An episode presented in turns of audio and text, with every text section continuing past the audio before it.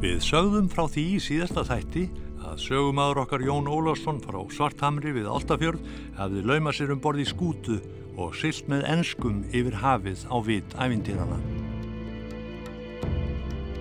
Í þessum þætti sláumst við enni för með sögumanni okkar þegar hann er búin að kveðja England og komin um borði í danst herskip á leð til borgarinnar sem flestir landa hans þekkja aðeins af afspurn.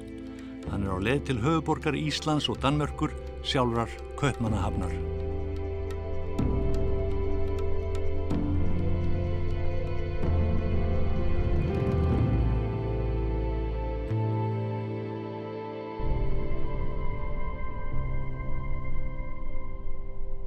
Þetta er borg svona sem er svona innan múra. Þórarinn Eldjárn, rituðundur. Og þetta er þarna konungs, konungs höll eða hallir og þar að auki auðvitað höfu kyrkjur margar og mikið og skröðlegt mannlið. Ég er svo sem pældi nú bara mest í því hvernig það væri fyrir sko saklausan Íslending að, að koma allt í einu úr fásinninu hér heima.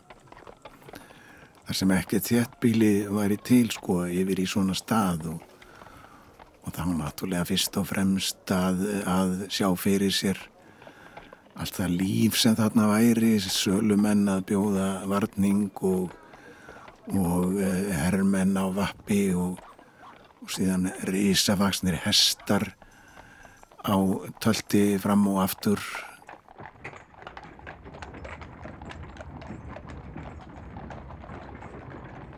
Jón Ólafsson er ekki fyrr komið til Kaupmannahafnar að eitt skipsfélagi hans á Santi Pétri, Magnúsanafni, sem jafnframt er konunglugur stallmeistari, er búin að ráða hann í kongsins stall til að kempa hestum og þá vandlegað vakta og verka og tvísvar daglegað útlega til vats og ressingar og upp á trömbu að slá. eins og Jón orðar það.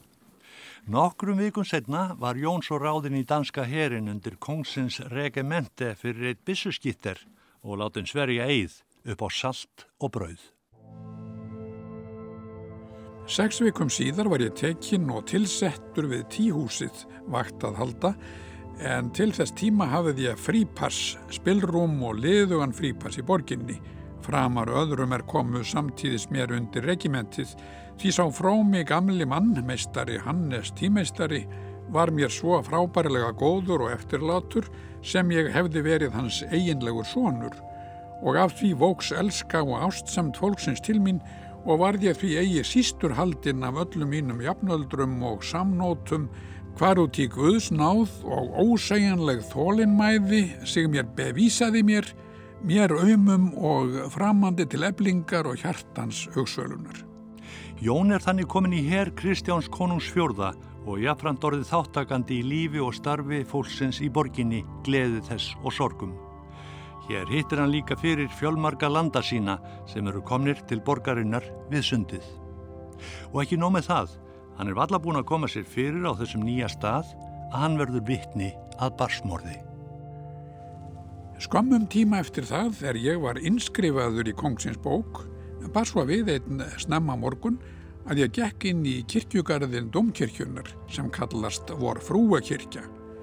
Þá gekk karlmaður og kvensnift undan mér að þeim brunnir þar stóð vatnað sækja. Og er þar litu í brunnin gáðu þau mikið hljóð af sér og sögðu að þar flyti eitt dött meibarn í brunninum. Slíkt brábær tilfelli barst skindilegum borgina og rannsökun gjörð með ýmsum hætti og úr þeirri sókn strax að modni 500 tjónustumegjar upp á ráðhúsið hafðar og þar til reynd hvort mjölk væri í þeirra brjóstum hvað þeir fannst vera hjá nokkuru þeirra. Það fer fátt fram hjá piltinum Jóni í hennu nýju heimkinnum hans í borginni við sundið. Allt er nýtt, allt er framandi og öðruvísi en hann átt að venjast í fámennunu vestur á fjörðum. Það er alveg förðulegt í kaupnarnar hlutunum. Hann er svo spenntu fyrir háska. Hann segir svo mikið frá glæpun sem eru framtir og refsingum. Þórun Jarla Valdimarsdóttir, sakfræðingur. Dana kongur, hann, hann hafði svo kallega klípitöng, sem ég kalla klípitöng. Það er eirasundið. Það mátti enginn sigla gegnum eirasundið, er svo stutt á milli eins og komið brúnuna. Það voru ofsalega freistand og fínu markaðir inn í Baltikum, Bjartahafi, Eistrasalti, loðskinnamarkaðir og, og korn og, og, og ég veit ekki hvað, en Danakongur hafi vita því að hann búin að taka átti skán að bara vera með mjög góð herskip þarna og það komst engin inn að þess að vera með leifi frá Danakongi.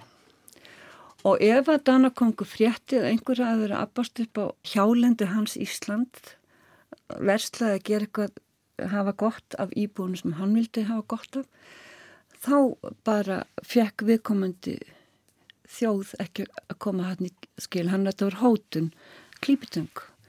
Þetta, þetta er stórmerkilegt. Það var alltaf verið að stríða.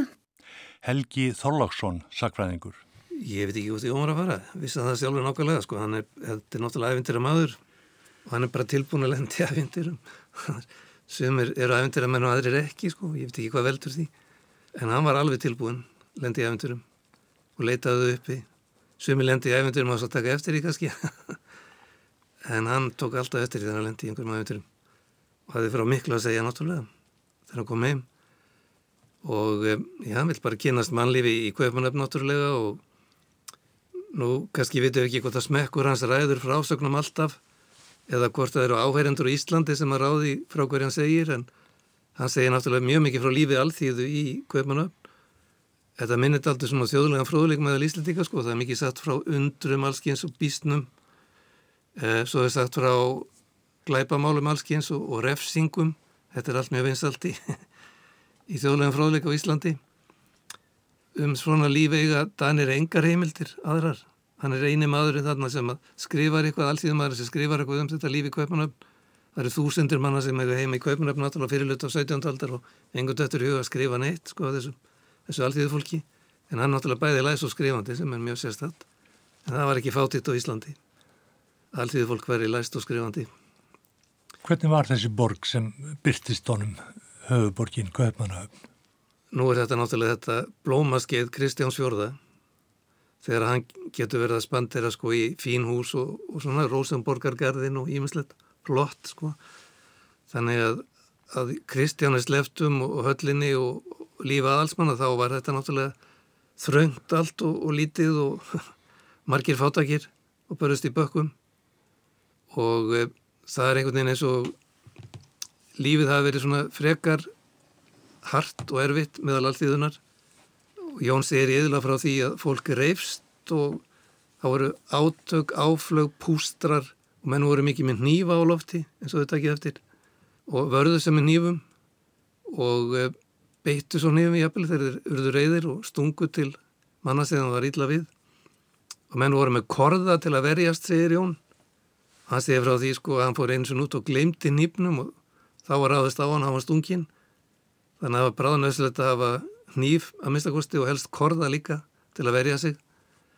En e, þetta er svona enginnað á 17. öll sko, það er hún er á svimleiti mild og öðru leiti mjög harkalig og Guð var á þessum tíma var þannig sjálfur, hann var óandalega mildur en svo var hann líka harður hjóðn að taka sko, strangur fadir og yfirveld höguðu sitt aldrei sko, í samræmi við þetta voru hörð alltíðunni en mildum leið. Refsingar voru mjög harðar og ætlast til þess að fólk fyldist náttúrulega með refsingum. Mér voru kallaði til til að horfa á hryllilega refsingar. Svo sagt, gerist hann bissu skitta eins og sagt er og e, þá er hann bæði sko, skittað um borði í herskipum á að fýra stikkjum eins og að kalla skjóta fallbissum og lærir það. En svo er hann líka vörður sko, þá er hann vörður í tíhúsinu ef hann er ekki að sykla þá er hann vörður í tíhúsinu í, í Kveipanæs sem stendur ennþá. Kristján Fjórðil hann létt reysa tíhúsið sem er hérna hertíja geimslan Træk hás á, á Þísku tíhús kvölduði danir það og við kvölduðum það þá tíhúsið bara. Og svo er það prófíantgarðun sko, það sem eru vistir fyrir herskipin og svo er höfð þarna á milli sem er blómagarði núna rétti á gamla bókasafnu sem margir þekkja í Kveipanöfn um, og Jón er vörður í tíusun ef hann er ekki að sigla á skipum, herskipum konungs.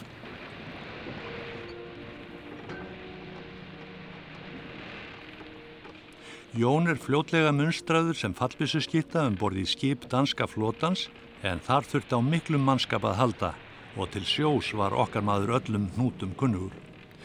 Kristján konungur fjörði hafði líka sjálfur mikinn áhuga á sjóferðum og sjóhernaði og var yðurlegum borði í einhverjum af herskipum sínum og þannig vildi það svo til að Jón okkar Ólásson var það minnstakosti tvisa sinnum samferða koningi á skipum hans og ekki nómið það, heldur komst hann í persónleg kynni við konungsinn eins og Jón rifjað upp í æfisögu sinni löngu, löngu síðar. Við erum stött um borði konungsskipinu Patientia við Norrestrendur á leið norður í höf þar sem konungur vill að flotin komi í veg fyrir óleifilegt kvalfang og bæji sjóræningum frá ströymum og ströndum Danmörkuríkis.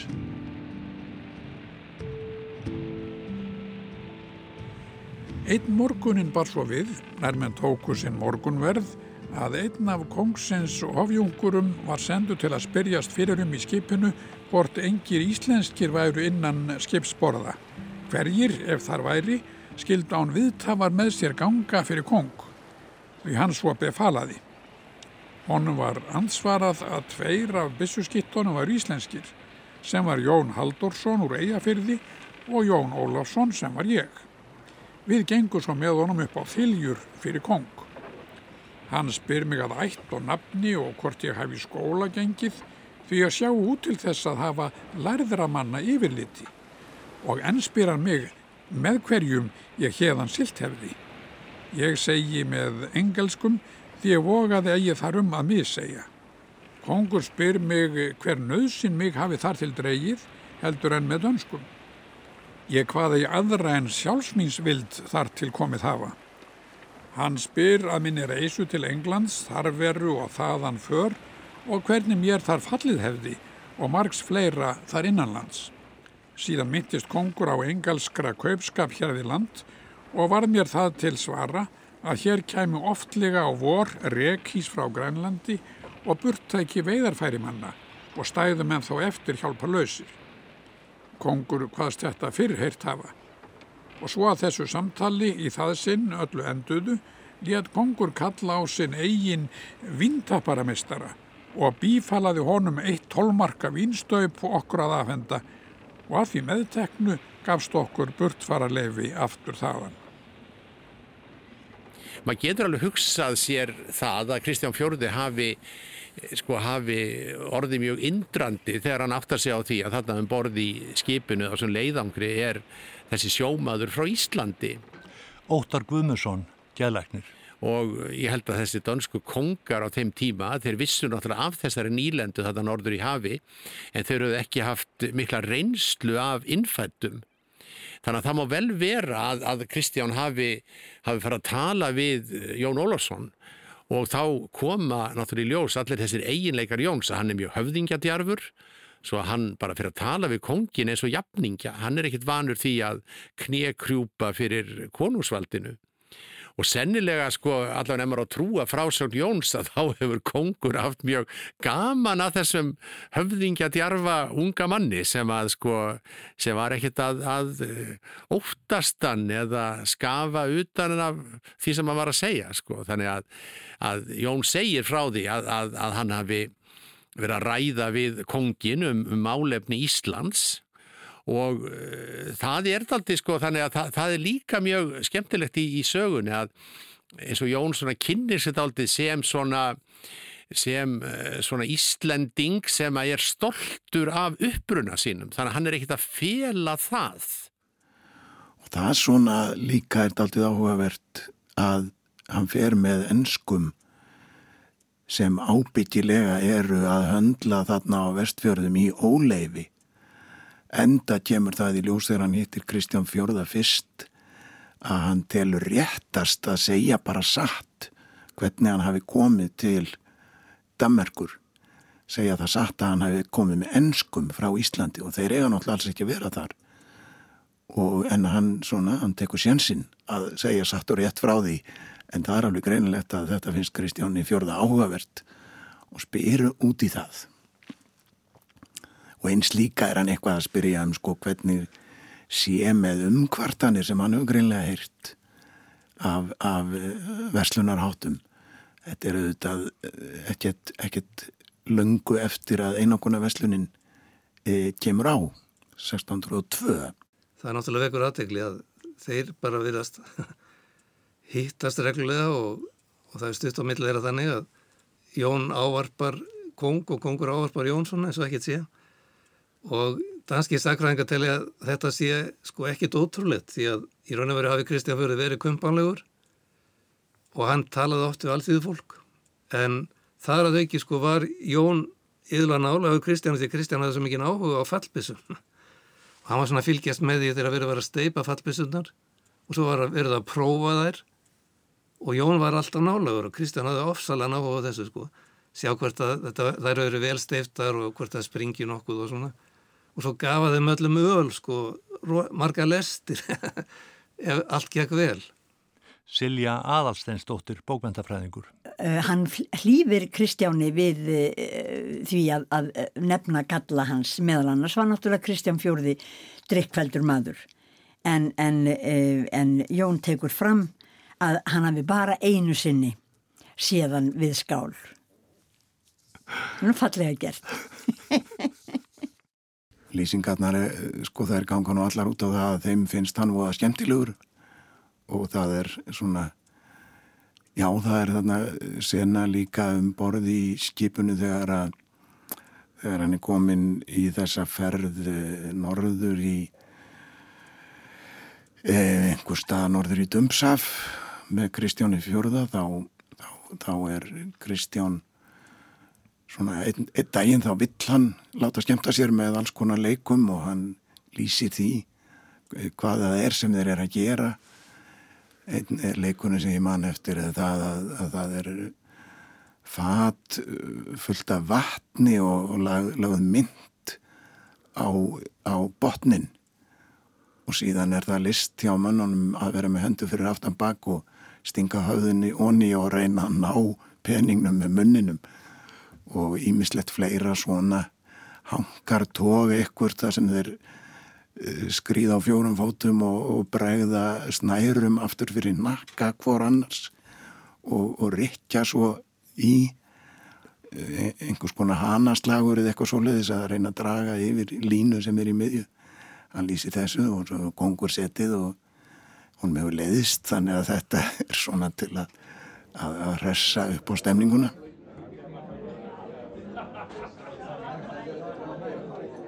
Þó svo að sögumadur okkar sé komin langt frá fórsturjarðarströndum tekur hann auðvitað upp þykjuna fyrir land og þjóð þegar ídlaður um föðurlandi talað. Við erum stödd á ónemndri krá í Köpmannahöfn á því herrans ári 1615. Einni kvatorður maður sáið var múraramistari, satt þar á meðal annara og lést kunna segja hegðan og háttalag fólks í mörgum löndum. Á meðal hverra var Íslands innbyggjarar sem umlega sá út í hans teksta og óvandaðri útleggingu. En hans tilherendur voru auðtrú á dáðust af hans ræðu. Hann tók því vel og tegði ræðuna svo mikill glaumur gjörðist þar en grátur eigi. Ég gengað háborðin og segi, vinnur, ég heyri að þú ert víða um löndu kunnugur og kann dáfallega frá mörgu að skýra. Og hvað mig ei síst undrar að þú um Íslands háttalag ert vísorðin eður hefur þú siltangað. Hann bað eh, Guð sig þar frá varðveita og segir óðin mætti það gjöra en hann aldrei. Í því bíli læti honum tvær gildar yrnafíkjur í það. Svo var það hann komst undir og dreyrði úr nösum nokkuð því hann fekk þar mörg þurr högg og hváðu allir honum verðugt vera. Jón fylgist með því þegar það spist út að til borgarinnar sé komin lækningadoktor með allra handa dýrmætt smisl og læknislist og bjóðist til að lækna hvert nýtt sár á einum degi. Eitt stykki sá ég með skyndi hann gjöra við eina konu við hábrú, svo er hafði eina vonda tönn af hverju hún leið stort ónærði, hörmung og neyð. Strax upplauk hann sínum smirslastokk reið á hennar kinnvanga þar yfir sem þessi mennsamt var undir og gnýði fast með sínum sjálfs handarjæðri, tók heina gula pípu víða og setti hana henni tanna á milli og skipaði henni í hann að blása hið harðasta sem orkaði. Og nær hún svo gjörði, fjell svo vonda tönn úr hennar munni í gegnum pípuna á nokkurar kvalar eður tilfinnandi verkja.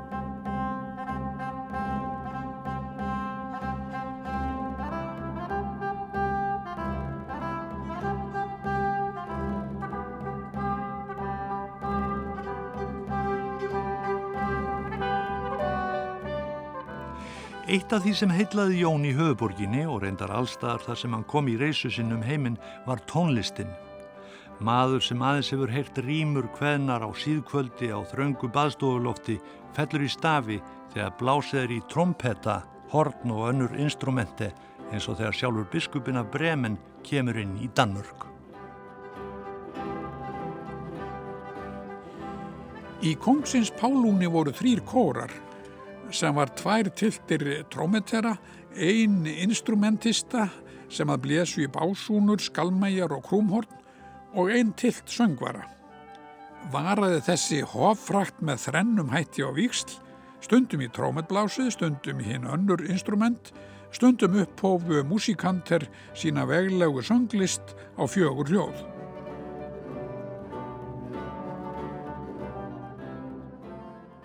Og ennverða breytingar á högum okkar manns. Um höstið 1618 er hann sendur á samt hópi Hermanna til Krónborgar Kastala, það sem hann þjóna sem varðmaður og fattbissu skitta næstu tvö árin. Þar í sundinu fram við Kastalan er herskipalægi og þar er heimtur tollur af þeim skipum sem um sundið fara. En verðirni verða líka standa sína plikt, menn eru miskunnulegst gerðir höfðinu stittri ef eitthvað ber út af. Fjórir eðalmenn vel forsóttir þjóna hér að auki upp á kastalanum Krónborg sem kallast Edalbús eður Gerun. Þessir menn gjöru umskiptið að vaka svo hverjum ber sín nótt til þess að reyna vaktina og kringum gangað hafa á slottsmúrnum og að handgripa þá sem ógætilega sína vakt standa. Nú er það í valdi þessara betruaðra manna nær þeir svo að finna einn í sinni vakt sofandi eður illa sig aðtjúandi svo hann þess vegna verður gripinn að deyða hann þar strax eður með sér lífandi til vaktmeistarans að leiða svo hann þá í fjötra innsetjist og að morgni líflátist. Allt hvað varðar Danmörku er, er, er bara sakfræði heimildir sem að Danir hafi ekki annar staði frá.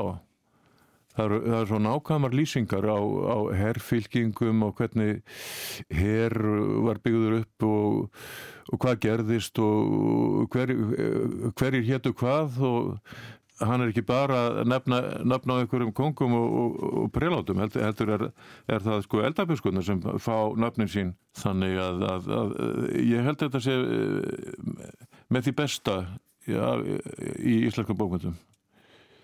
Það er ekki margt sem tekur þessu fram. Það eru náttúrulega eh, margar eh, góðar, eh, góðar sögur, íslendingasögur, en fjöldin allur af þessum íslendingasögum er svo leiðilegar og fjall ekki um neitt. Það er kannski að delta með eina kú, eina kú eða hest og einn drefur mann og annar, drefur hann og svona. Hann er heldur áfram. En Saga Jóns er bara full af heimsviðbruð. Eftir herskilduna í Krónborgarkastala er Jón aftur komin til sjós á flota hans hátegnar og ferðast vitt og breytt um Norðurhöf, allt norður fyrir Rúsland.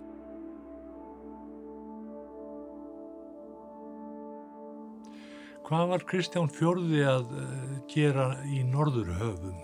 Já, hann náttúrulega var áhagast að mér sko um að það var ekki verið að taka neitt frá sér hann Þannig að hann þurfti að vita náttúrulega sem gerst um eh, þessar siglingar, eilitík og politíka þannig að hann orði fyrir Noreg og, og inn á Kvítahafið og þá hafði hann áhuga náttúrulega á vörnum sko. Þeir voru með varstöða sem hétt Vardau, þarna nýst í, í Norri sem var fræg varstöð sko alveg frá 13. öld. En hann hafði áhuga öllu svona vörnum og síðan sko náttúrulega taldi hann skilt að komið vekk fyrir að sjóræningar Eru mikið að, að hafa í frammi á þessum siglingarleðum þannig með frá Norri og í Norðurhugum.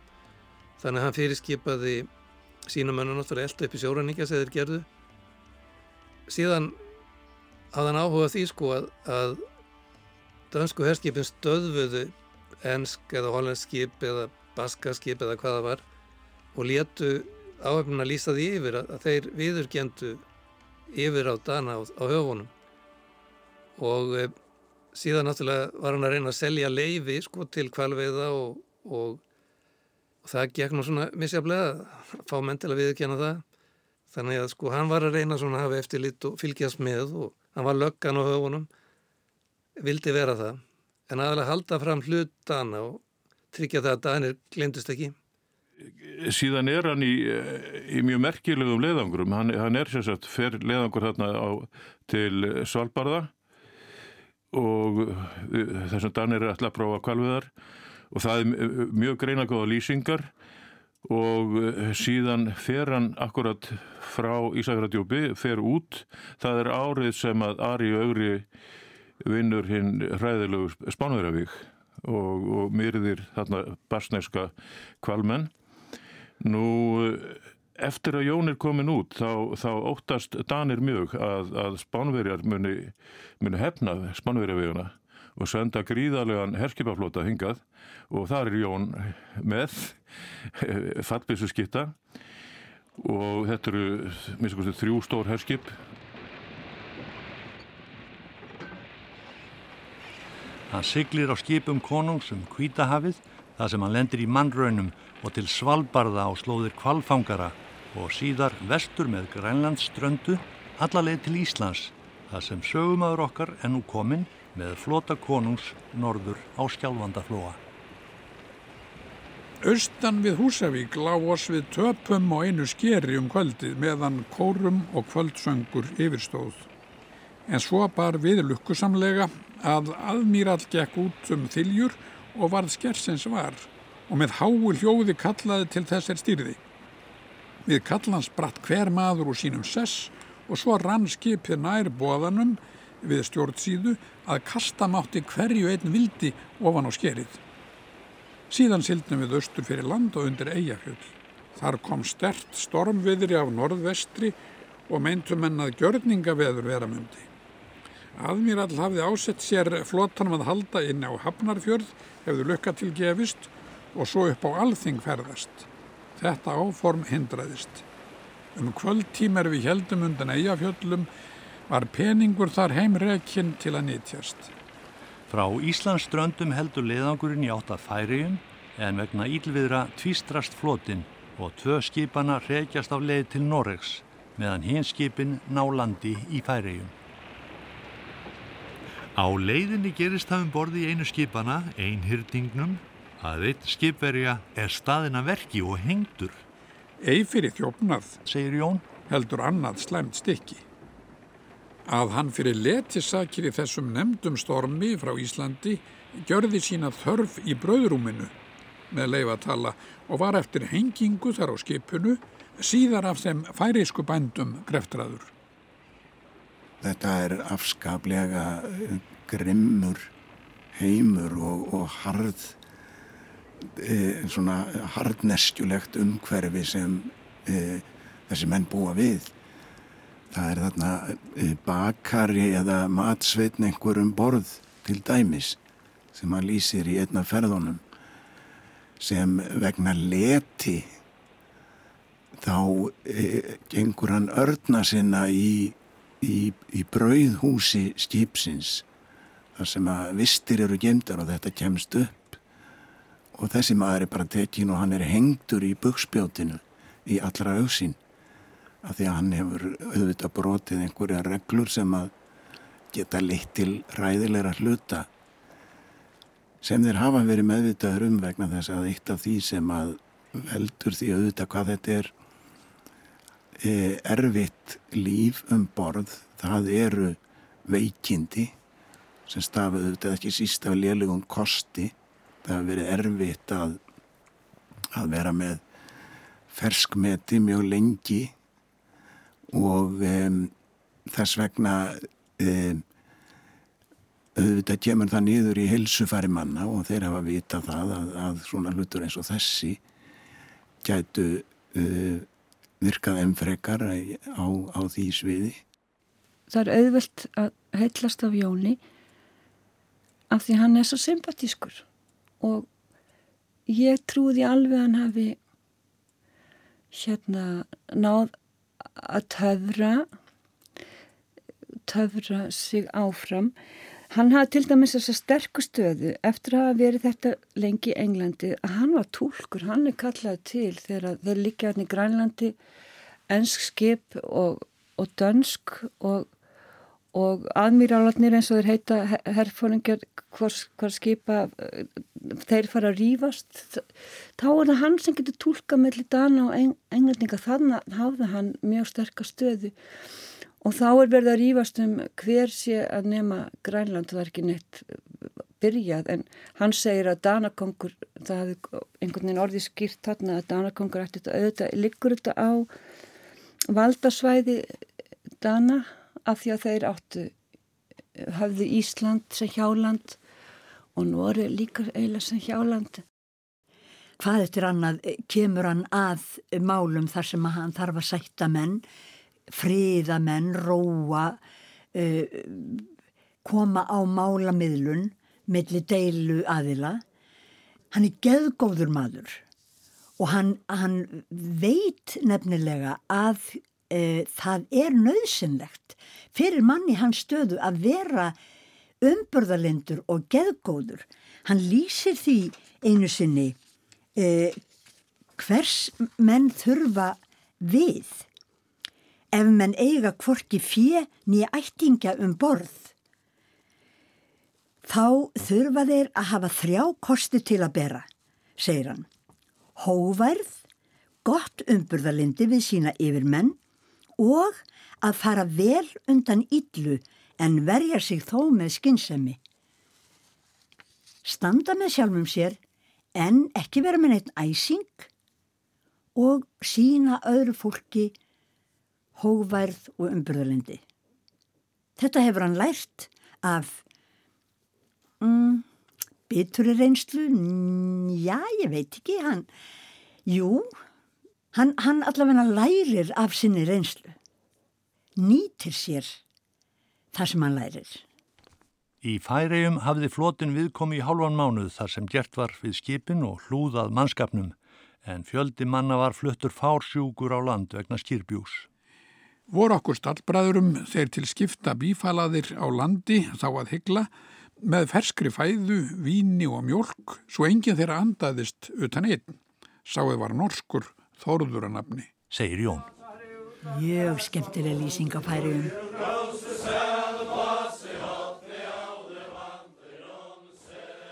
Færiðskum dansi og, og þar, þar varar hann við því að færiðingar sé að tína tungumáli sínu það er svolítið merkilegt mm. á 17. öld.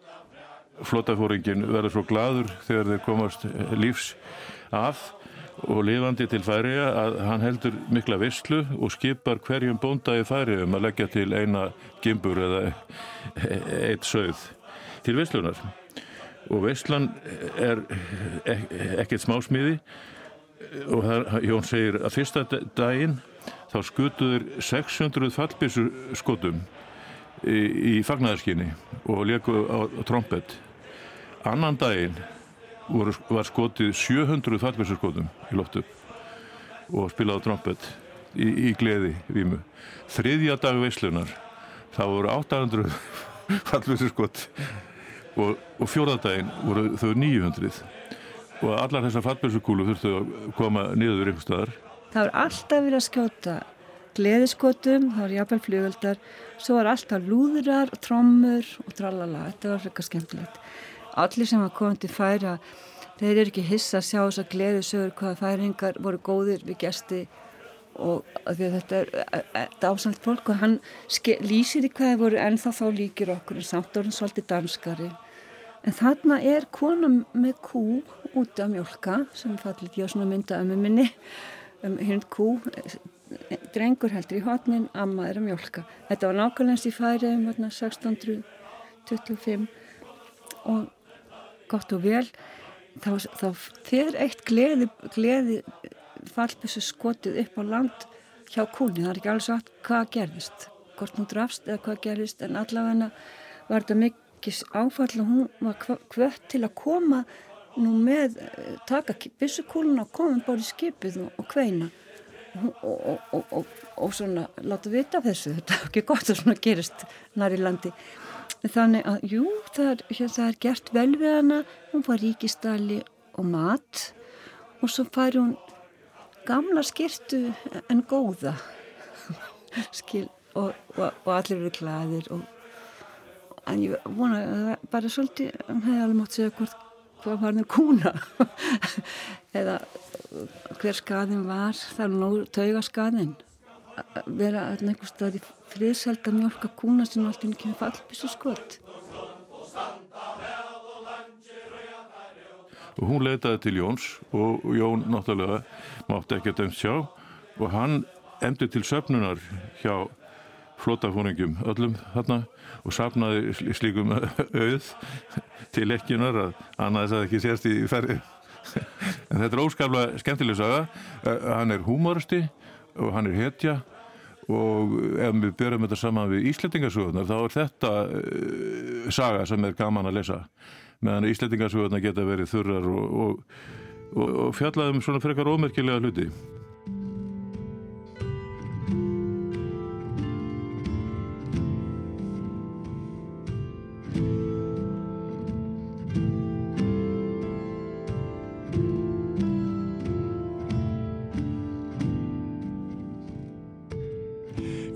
Átti stöðut í nokkrum útistöðum við yfirmannsinn Fredrik Grabó í byrðastöð sjóhelsins í Köpmanööfn og þegar Jón kom eitt sinn of sent á vaktina í tíhúsinu, reynda fyrir miskilningað einsögn, var hann grepin af Grabó og settur í illremda fangilsi Bláturnin.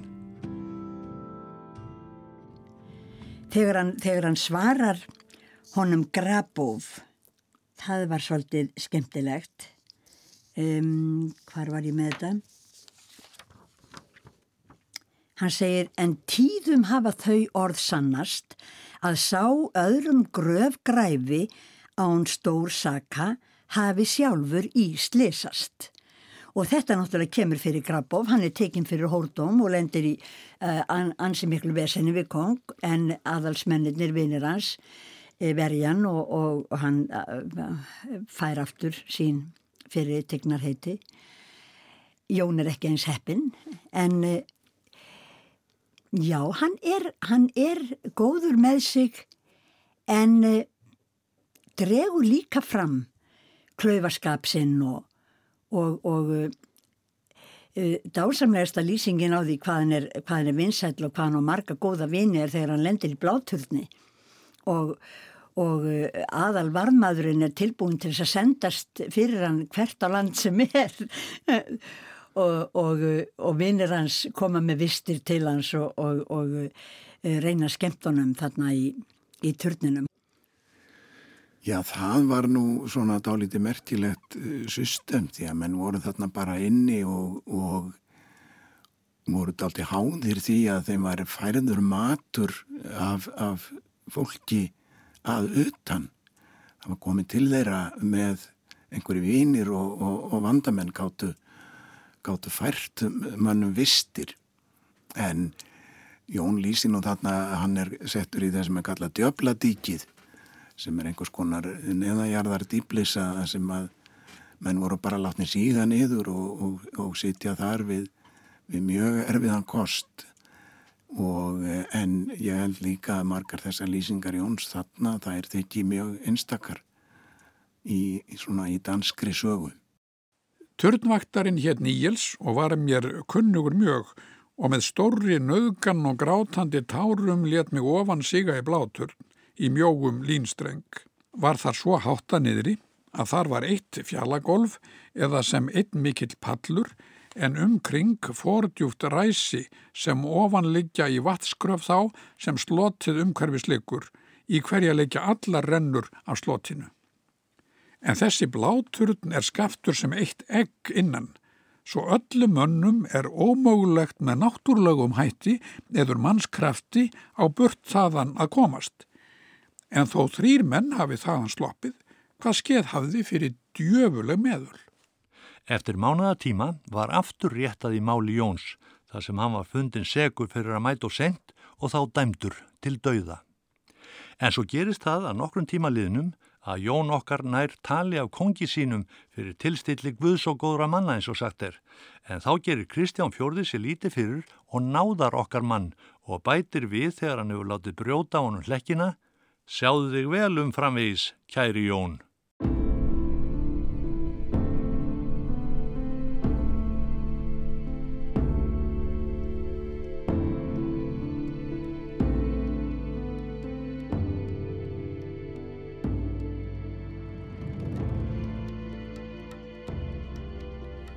Jú, jú, hann hérna segir frá yfirmannum, þeir voru ekki allir góðir.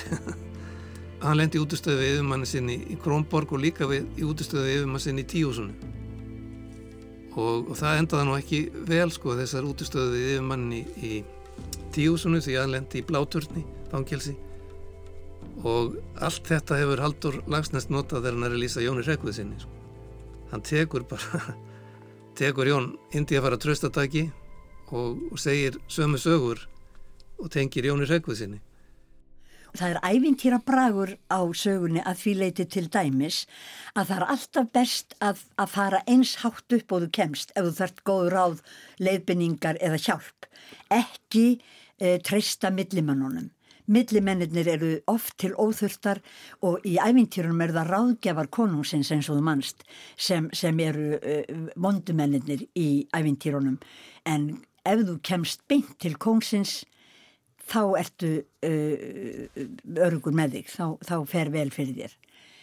Uh, þannig að það er náttúrulega æfintýra bragur á þessari frásögn. Um leið og hún er fjarskalega raunsæ og hann reynir til dæmis að leggja á minnið ótölulegt magn af uh, eiginnöfnum, staðarnöfnum og, og nöfnum á hlutum og, og fyrirbærum E, oft fer hann náttúrulega rangt með eins og, eins og kemur fram í skýringunum. E, stundum fannst mér skýringarnar e, óþarflega ítarlegar.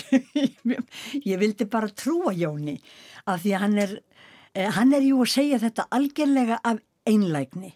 Segja okkur frá þessum miklu undrum og, og þessum, þessum ævintýralegu hlutum sem hann hefur upplifað þú getur ímyndað þér að, að koma svo heim aftur í Ísafjörðardjúpið og, og, og hitta sitt fólk og, og uh, já, hann náttúrulega uh, hann, seg, hann skrifar ekki frásögnina samkvæmt uh, okkar heimildum fyrir en talsveit löngu síðar.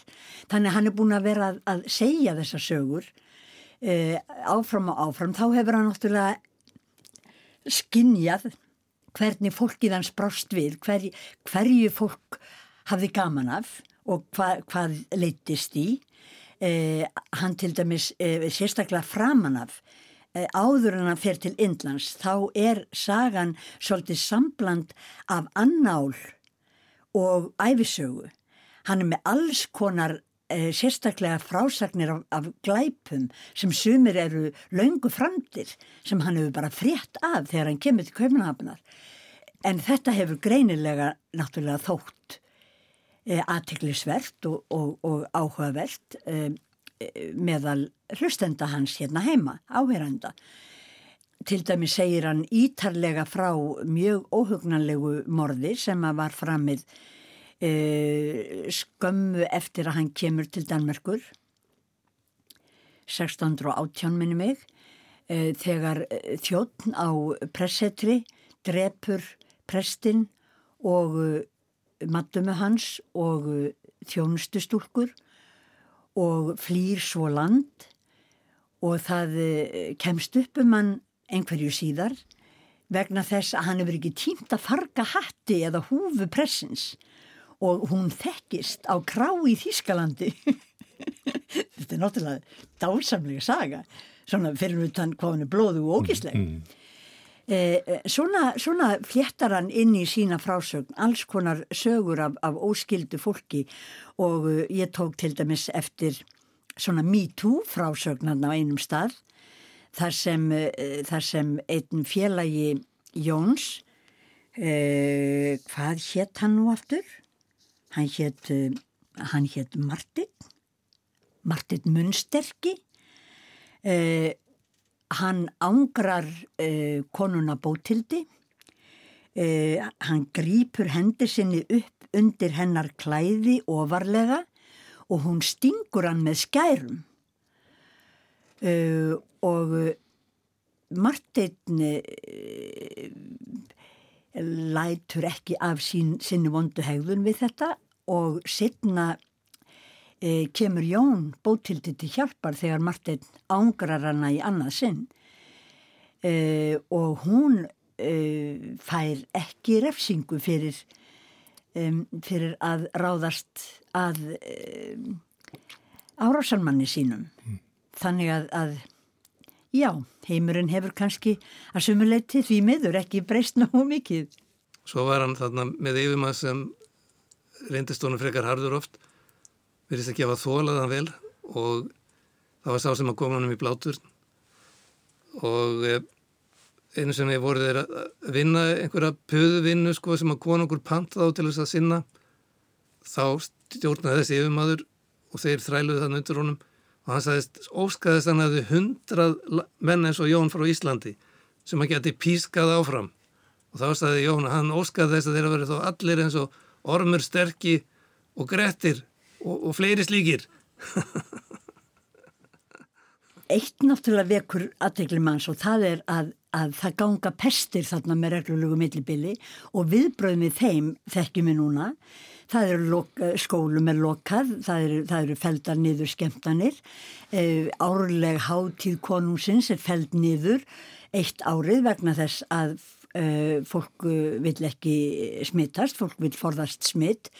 E, það er greinilegt að, að menn hafa fyrir svona laungu síðan átt að sig á ímsu til dæmis smittleiðum og, og að skirbjúur orsakast af skorti á ferskri fæðu sem náttúrulega kemur þeim heldur betur í koll á skipinu og leiðinni þessum laungu, laungu sjóferðum þegar að verst er náttúrulega ef að vasskortur verður og menn fá vassótt af, af uh, stöðnu vatni, óheilnæmi vatni uh, en líka skorti á, á C-vitamíni og ferskum ávustum og öðru ferskmeti.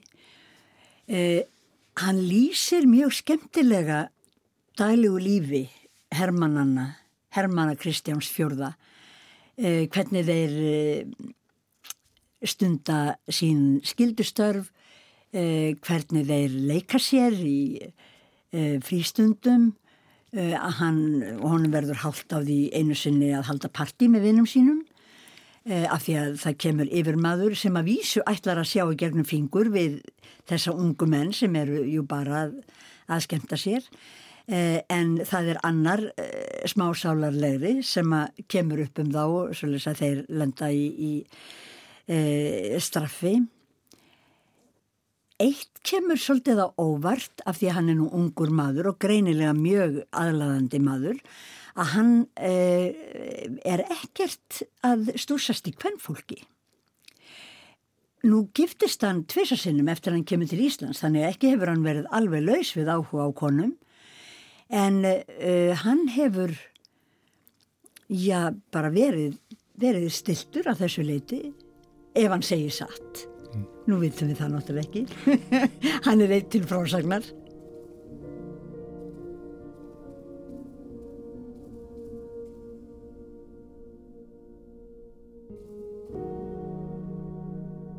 Húa krútlegt að Danir hefði átt þessar trópikolóníir. Þeir áttu þrjáleiklar eigur í vestrindjum, stundu viðbjóslega þrælasölu einni. Og þetta er ekkert svona sem að fólk langar að vita svona, svona suma eða ekki mikið um þetta að tala í sögubókum. En til þess að geta afla þrælan það áttu þeir litla nýlindu í, á vestur Afríku. En, en á Englandi þá var þetta svo sem ekki neitt því að þeir voru... Mm, þeir hefðu svo litið fjármagn að þeir gátt ekki gert neitt þarna. Þeir, þeir voru ekkit, þeir þóttist verið svona lítið litli breytar, danir, hóða flottir með nýlandur í þremur heimsálum eða ítök skulum við segja en, en þeir voru áttu svo lítið fjö til að setja í, þau voru undercapitalized eins og það kallaði á einsku, van fjármagnaðir, van fjármagna í, á, á þessum stöðum sem voru á Östurundlandi og gáttu þess að ekki voru engin ógn breytum þannig að þeir, svona, þetta var nú bara svona krútlegt. En það sem skiptir mál í stóra saminginu er að, jú, þeir, þeir keftu vörurnar en uh, það var uh, indigo, silki pipar um, eitt og annað. Keftu fyrir krónu og seldu fyrir tíkall. Það var tíu svona dýrar að selja vörurnar í kaupmannahöfn en að kaupa þær í Englandi þess að lögðu mennet allt á sig. Þetta gekk sko Jón hafði reynd að komast með í fyrsta leiðangur Dana til Indlands árið 1618 en ekki fengið og nú þegar tækifæri gefst fjórum árun setna slær okkar maður til. Það er verið að undibúa annan leiðangur danska flótans til Östurlanda fjær þar sem Danir higgjast reysa virki og stopna nýlendu í nafni konungs. Og hann er ekki fyrrbúin að skrifundi samning hjá Admiral upp á Brímarholmi og munstra sig til Indlandsfararinnar að fyrir honum er spáð og ekki aðeins um hinn að fyrirhugðu ferð heldur um framtíð hans alla, allt til æfi loka. Þessi Fridrik var spekingur og einn forvitri mikill og fýsti mig að reyna hans viturleik og sagðan mér að ég myndi stóra neyð koma í þeirri ferð, en þó myndi Guð mig frelsa svo ég eigi lífið misti. En samt myndi ég þess minnugur verða meðan við líf endist og konur tvær myndi ég í sjálfs föðurlandi eignast og engin börn við þeirri hinni fyrri en tvö eða þrjú við þeirri hinni setni. Síðan gekk hann með hverju næsta siðsamlega út þaðan. Þetta greint efni skeiði tveimur dögum fyrir að mér til India úr Kaupenhafn afsildum.